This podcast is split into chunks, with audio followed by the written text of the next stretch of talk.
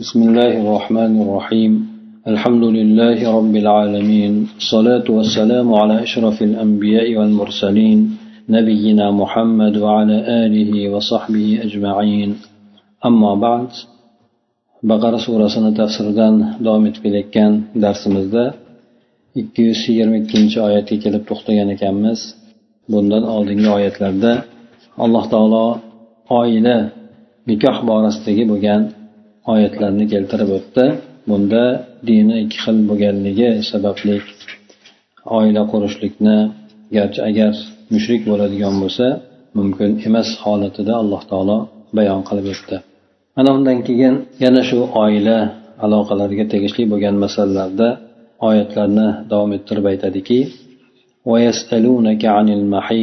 قل هو أذى فاعتزلوا النساء في المحيض ولا تقربوهن حتى يطهرن فإذا تطهرن فأتوهن من حيث أمركم الله.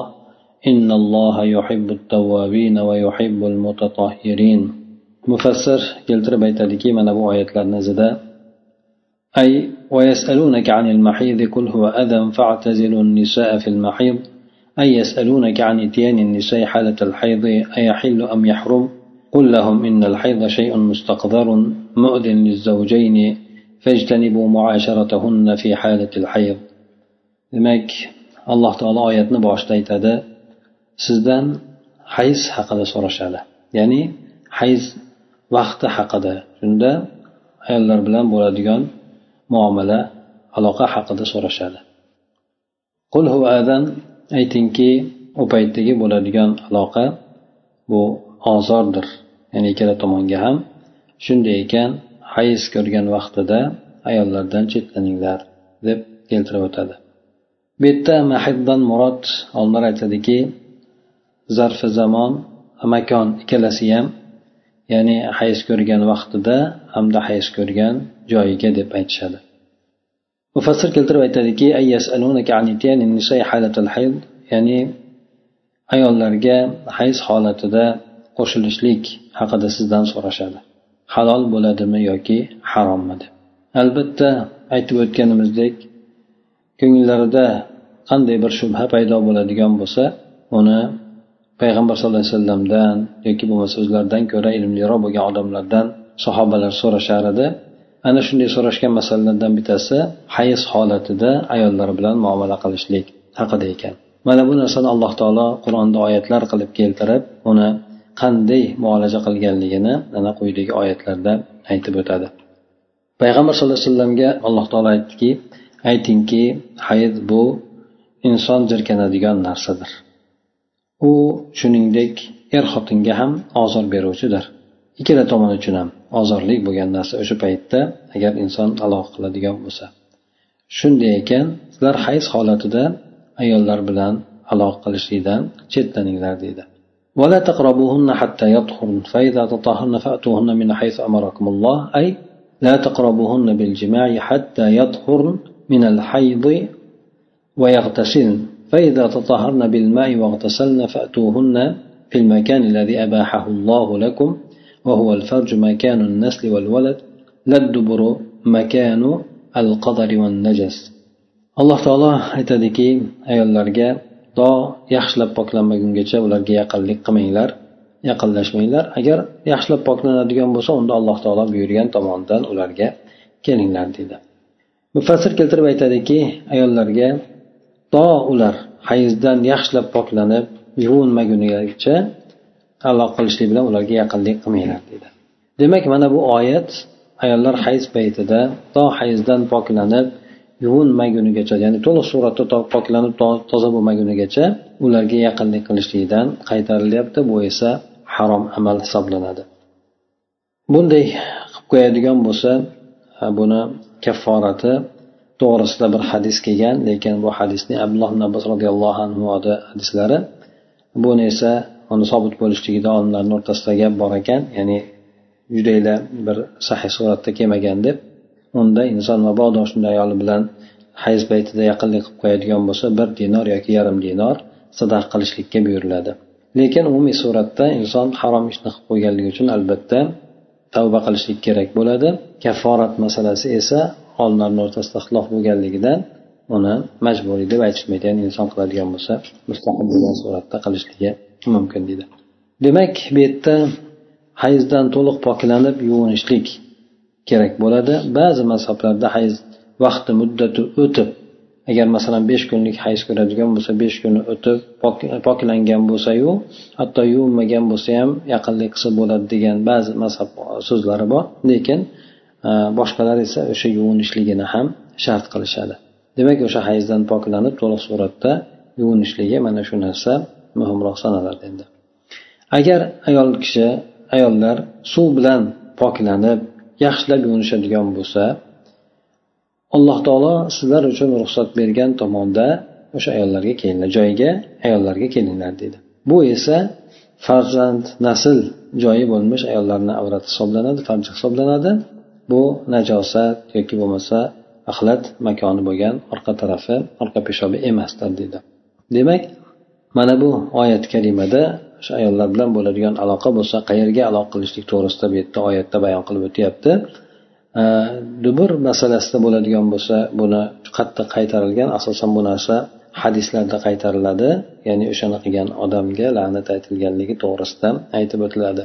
Ya'ni bu narsa e, ayollar erkaklar ayol o'rtasida ayol er xotin o'rtasida bo'ladigan bo'lsa harom hisoblanadi. Erkak bilan erkakni o'rtasida bo'ladigan bo'lsa bu judayam qattiq og'ir gunoh hisoblanadi. Hattoki payg'ambar alayhisalomni hadislarida o'sha qilgan qildirilgan ikkala odamni ham o'ldirishlikka buyuriladi. Shuning uchun bu narsa bu kishi ham aytib o'tyapti demak ahlat najosat bo'lgan joy yerga emas deb turib aytilyapti. Albatta alloh taolo tavba qiluvchilarni yaxshi ko'radi va o'zini juda ham pok olib yuruvchi kimsalarni yaxshi ko'radi. عن الفواحش والأقدار. الله تعالى جنوه لردن توبة قدوش بغن كمسة لردن حمد بزوق لك لردن حق الأخلط بغن نجاسة بغن نس لردن وزارن فقط تدين كمسة لردن يحشك لردن نساؤكم حرث لكم فأتوا حرثكم أن نشئتم أي نساؤكم موضع نسلكم وفي أرحامهن يتكون أولادكم. فأتوا نساءكم في مكان الزرع. كيف شئتم قائمة أو قاعدة أو مضطجعة؟ بشرط أن يكون في القبل لا في الدبر. وفي حديث ملعون من أتى امرأة في دبرها alloh taolo oshkor suratda ya'ni bu sahobalar so'ragandan keyin alloh taolo ularga juda ham qoniqarli bo'lgan suratida ya'ni oshiq oshkor suratda ularga javobini bayon qilib beryapti aytadiki lekin bu yerda juda ham bir pardaga o'ragan holatda alloh taolo juda ham bir hayoni ochmaydigan suratda ularga javob beryaptiki ayolinglar sizlarni ziroatgoh yerlaring deydi ziroatgohlaring deydi ularga xohlagan tarafdan kelinglar deb oyatda aytadi. Ya'ni sizlarni ayollaringiz nasl oladigan o'rinlaringizdir. Ya'ni insonlar ayollari orqali nasl qoldiradi. Ularni bachadonlarida esa sizlarni farzandlaringiz tuziladi paydo bo'ladi. Ayollarni esa o'sha ziroat o'rniga ayollarga qo'shilinglar. Qanday xohlasalaringiz turgan holatda o'tirgan holatda yonboshlagan holatda shart shuki old tarafga bo'lishligi orqa peshobga bo'lmasligi hadisda keladi yana e, ya'ni aytib o'tganimizdek ayol kishiga orqa tomondan keladigan bo'lsa u odamga la'nat aytilgan deb hadisda kelar ekan. Demak bu oyatni nozil bo'lishligi sababi to'g'risida mufassillar bir necha e, rivoyatlarni keltirishadi. Shulardan birisi yahudlar agar aytishardiki e, ayol kishiga orqa tarafdan old tomonga keladigan bo'lsa bola teskari bo'lib qoladi teskari bo'lib keladi. Agar tug'ilishlik paytida degan gapni aytishardi yoki bo'lmasa boshqa bir rivoyatda esa muhojirlar e, o'zlarida bir boshqacha bir suratda bo'lganligiga keyin ansorlar esa o'sha bir xil holatda bo'lganligiga keyin ansor muhojirlardan bir erkak kishi ansorlardan bir ayol kishi uylangan paytda talab qiladi. Talab qilganiga ko'nmasdan faqat shu bir tomonda tomonga shunga rozi bo'lgan boshqa tomonni mumkin e, rozi bo'lmagan holatda bu gap orada sal gap bo'lib turib payg'ambar sallallohu alayhi vasallamga yetib boradi keyin keyin ana shu nimada alloh taolo tarafidan oyat nozil bo'ladiki ya'ni insonga muboh bo'lgan holatda qaysi tarafdan bo'ladigan bo'lsa ham deb turib وقدموا لأنفسكم واتقوا الله واعلموا أنكم ملاقوه وبشر المؤمنين أي قدموا فعل الخير والعمل الصالح لآخرتكم وخافوا ربكم وأيقنوا أن مرجعكم إليه فيجازيكم على أعمالكم وبشر المؤمنين بالفوز العظيم في جنات النعيم sizlar yaxshilik amallarini solih amallarni oxiratlaringiz uchun taqdim etinglar robbilaringizdan qo'rqinglar va yana sizlarni boradigan oqibatlaringiz joylaringiz alloh taologa ekanligiga aniq ishoninglar ana o'shanda sizlarga sizlarni alloh taolo qilgan amallaringizga binoan jazolaydi mukofotlaydi mo'minlarni esa buyuk mukofot bilan buyuk zafar bilan e, ne'mat bog'larida bo'ladigan buyuk zafar bilan xushxabar bering deb e, aytadi. Demak yuqoridagi bo'lgan oyatni bu keyingi kelayotgan o'sha bo'limiga qanday aloqasi bor? Ya'ni oila e, insonni masalan yaxshilik qilishlarga undaydi oila orqali inson harom narsaga erishishligi mumkin yoki juda ham savob bo'lgan narsalarga erishishligi mumkin. Alloh taolo esa bu oyatlarda insonlarni targ'ib qilyaptiki sizlar yaxshilik amallarini taqdim etinglar. Hattoki oilalar bilan bo'ladigan aloqalarda ham niyatlarni yaxshi qilishlik farzand niyatlarida bo'lishligi yoki bo'lmasa aytaylik hatto e, payg'ambar sallallohu alayhi vasallam hadislardan e, shu e, aytiladiki ayollarimiz bilan bo'lgan aloqada ham ajr olamizmi? deganda agar shu narsani haromga qo'yganlarda gunoh bo'larmidi? Ha demak shunday inson halolga qo'yadigan bo'lsa ajr bo'lishligi to'g'risida payg'ambar alayhissalom bayon qiladi. Ana o'shandek lekin yuqoridagi bo'lgan narsalarda albatta alloh taolo sizlarni chetlanishlikka buyurgan o'rinlarda albatta alloh taolodan taqvo qilinglar alloh taoloni aytganini qilinglar qilmadiganini qilmanglar. Bilinglarki sizlar alloh taologa yo'liqasizlar albatta alloh taolo sizlarga buyurgan qaytargan narsalar to'g'risida sizlarga dan talab qiladi alloh taolo. Va bashiril mo'minin alloh taologa iymon keltirgan allohni aytgan kimsalarga xushxabar bering deb turib payg'ambar sallallohu alayhi vasallamga aytib o'tadi. ولا تجعلوا الله عرضة لأيمانكم أن تبروا وتتقوا وتصلحوا بين الناس والله سميع عليم أي لا تجعلوا حلف بالله حاجزا مانعا عن فعل الخير كالبر والطاعة والإصلاح بين الناس مثل أن يقول أحدكم حلفت بالله ألا أفعله وأريد أن أبر قسمي أبر قسمي فيكون الله جل وعلا كأنه السبب المانع عن فعل الخير والإصلاح بل افعلوا الخير وكفروا عن إيمانكم والله سميع لأقوالكم وعليم بأحوالكم. أنا هنا كيان الله تعالى أنا شو ba'zan insonni undan keyingi qasamlar لدى مقدمة شكل muqaddima shaklida keltirib o'tadiki sizlar alloh taoloni qasamlaringizga ko'ndalang qilib olmanglar qasamlaringiz uchun ya'ni bir yaxshilik qilishlikdan alloh taoloni bir qismlar qasam ichib to'siq qilib olmanglar alloh taolo odamlarni o'rtasini isloh qilishlikdan alloh taolodan taqvo qilib yaxshi amallarni qilishlikdan alloh taoloni sizlar o'zlaringizga oldi to'siq qilib qo'yib olmanglar alloh taolo sizlarni gaplaringizni eshitib bilib turuvchi zot deb alloh taolo aytadi mufassir keltirib aytadiki ya'ni sizlar alloh taologa qasam ichishlikni yaxshi amalni qilishlikdan man qiluvchi to'siq qilib olmanglar ya'ni inson aytadiki masalan yaxshilik qilishlik toat qilishlik odamlarni o'rtasini isloh qilishlik masalan bittalar aytadiki deydi men olloh palon ishni qilmayman deb alloh taologa qasam ichib qo'yuvdi. Qasamni buzishni xohlamayman qasamimga rioya qilishni xohlayman.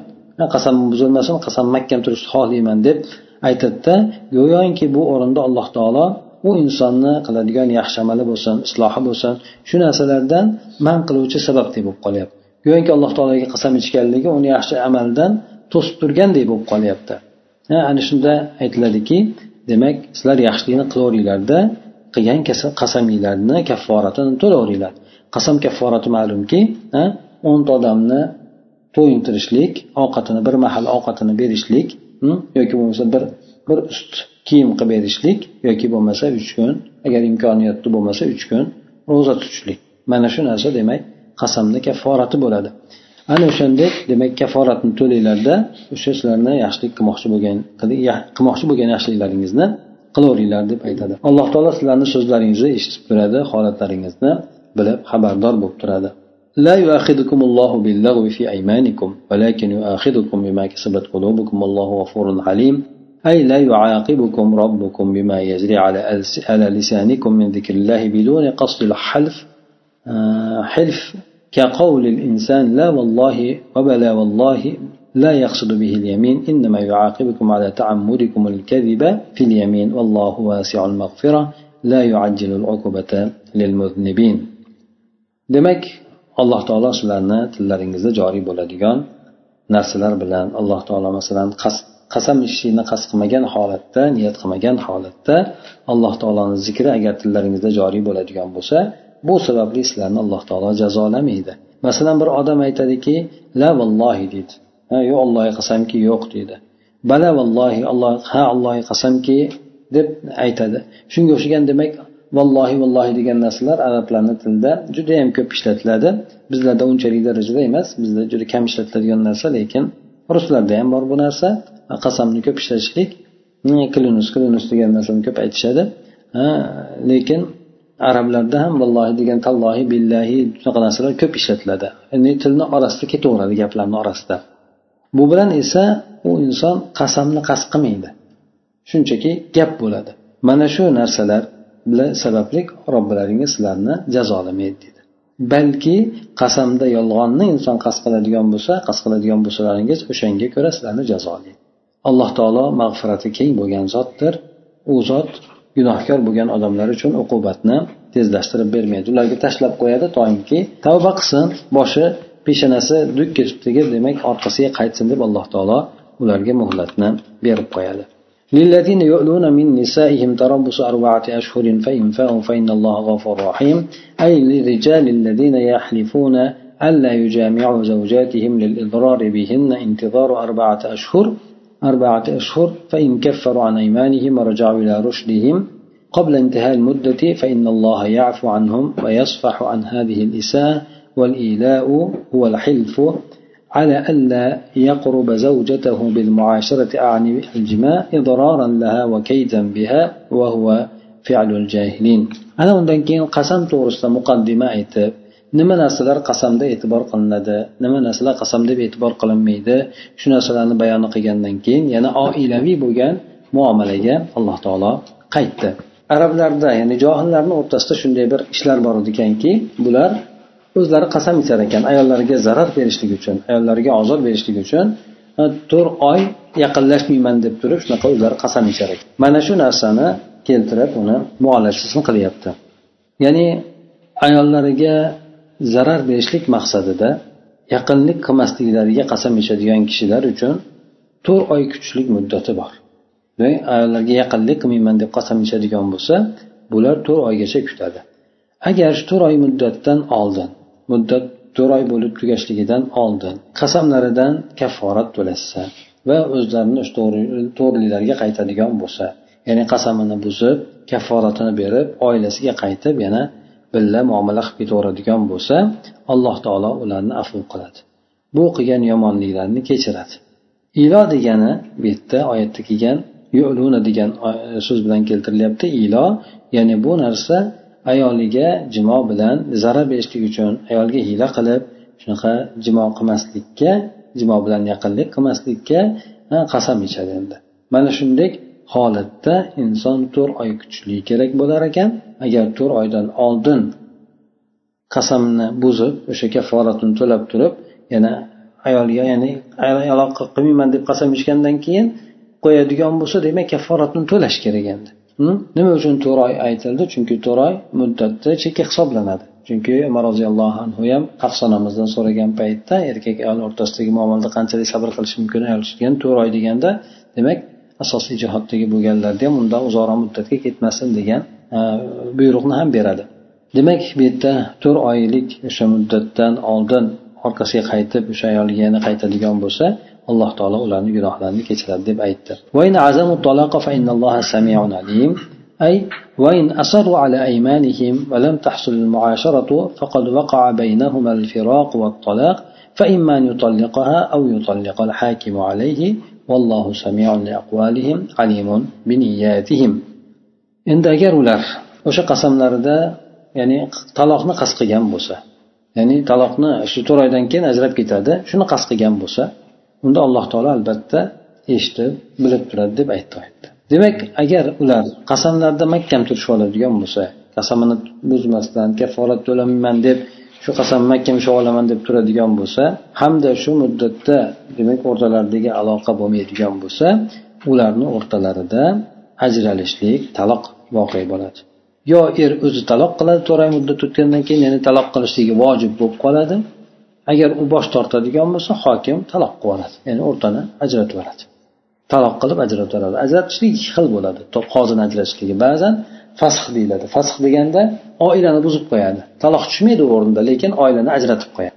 Buni fasx deyiladi. Lekin ba'zan esa majbur qiladi agar taloq qilmaydigan bo'lsa unda qozi er talog'ini o'rniga taloq qiladi. Erni o'rniga taloq qiladi shu bilan ikkalasini o'rtasida ajraladi. Ana o'shandek demak to'rt oy muddatdan keyin qaytmaydigan bo'lsa er taloq qilishga majbur bo'ladi. Agar u bosh tortadigan bo'lsa qozi ularni ajratib yuboradi dedi. Alloh taolo demak ularni so'zlarini eshitib turadi nima deyapti niyatlarini bilib turadi nima maqsadda aytyapti ichlarida nima gap bor alloh taolo bu narsalarni hammasidan xabardor bo'lib turadi deydi والمطلقات يتربصن بأنفسهن ثلاثة قروء أي الواجب على المرأة المطلقة المدخول بها أن تنتظر مدة ثلاث حيض وهي مدة العدة عدة لها ثم يحل لها أن تتزوج بعد ذلك ana undan keyin yana alloh taolo umumiy suratda taloq qilingan ayollarni qanday bo'ladi bularni? Iddalari qanday bo'ladi? Qancha muddat bo'ladi? Nimalar qilinadi? Shu narsalar to'g'risida alloh taolo oyatlarda bayon qilib o'tadi. Taloq qilingan ayollar o'zlari uch qur muddatini kutadilar dedi. Qura muddatida olimlar ixtilof qilishadi. Ixtilof qilganligi quru deganda hayz muddatimi yoki bo'lmasa hayzdan poklanishlik muddatimi? Ya'ni o'zi aslini olib aytadigan bo'lsak taloq qilingan ayollar har xil bo'ladi. Taloq qilinishlik ayollar har xil bo'ladi. U ayol taloq qilingan ayol hali oila qurmagan u bilan birga yashamagan bo'lishi mumkin. Ya'ni nikoh qilib qo'yganda hali biri boshqa joyda biri boshqa joyda. Yoki bir joyda bo'lsa ham hali to'y bo'lib ularni o'rtasidagi bo'lgan bir biriga yaqinligi bo'lgani yo'q. Lekin nikoh qilib qo'yildi. Agar shunda ajraladigan bo'lsa kirmasdan turib unda uch muddat kutmaydi. Birdaniga ajrab ketaveradi. Lekin bu yerda uni o'sha mahr tayin qilgan bo'lsa mahrni yarmini berishlik kerak bo'ladi. Mahrini yarmini berishlik kerak bo'ladi. Bu o'sha o'rtasida nikoh bo'lganu lekin oila bo'lib yashamagan o'rinlarida endi. Endi agar oila bo'lib yashagan bo'lsa nikohdan keyin unda ular idda o'tiradi. Idda muddati qaraladi. Agar hayz ko'radigan ayol ya'ni hayzi bo'lgan hayz ko'radigan ayol bo'ladigan bo'lsa unda uch hayz muddati idda o'tiradi. Agar yo'q hayzdan to'xtagan yoki hali hayz yoshiga yetmagan shunday bo'ladigan bo'lsa unda uch oy muddat idda o'tiradi deb aytiladi. Uch oy muddat ya'ni taloq qilingandan boshlab uch oy muddat. Masalan aytaylik uni u taloq qilgan uch to'rt oy oldin taloq qilganda bugun xabar yetib kelgan bo'lsa tamom u iddasi tugab bo'lgan. Bugundan boshlab idda o'tirmaydi. Ya'ni taloqni chiqqandan boshlab idda o'tiriladi. Demak uch to'rt oy oldin idda aytgan bo'lsa uch marta ungacha hayz ko'rib o'tib bo'lgan bo'lsa unda o'sha muddatda demak u iddatidan chiqib ketibdi bu ayol. Lekin bu yerda u ayol bilgani yo'q. Shuning uchun u ayol gunohkor hisoblanmaydi. Lekin biladigan bo'lsa albatta unda idda o'tirishligi ayol kishiga vojib bo'ladi. Idda o'tirishligi vojib bo'ladi. Iddani ham o'zini qonun qoidalari bor. Qanday o'tirishligi yoki qayerda o'tirishligi to'g'risida allohu alam bu narsalar to'g'risida aytib o'tarmiz. Demak bu yerdagi aytilyaptiki taloq qilingan ayolga vojib bo'ladi al madhulu biha deb keltiryapti. Ya'ni u ayol bilan eri qo'shilgan.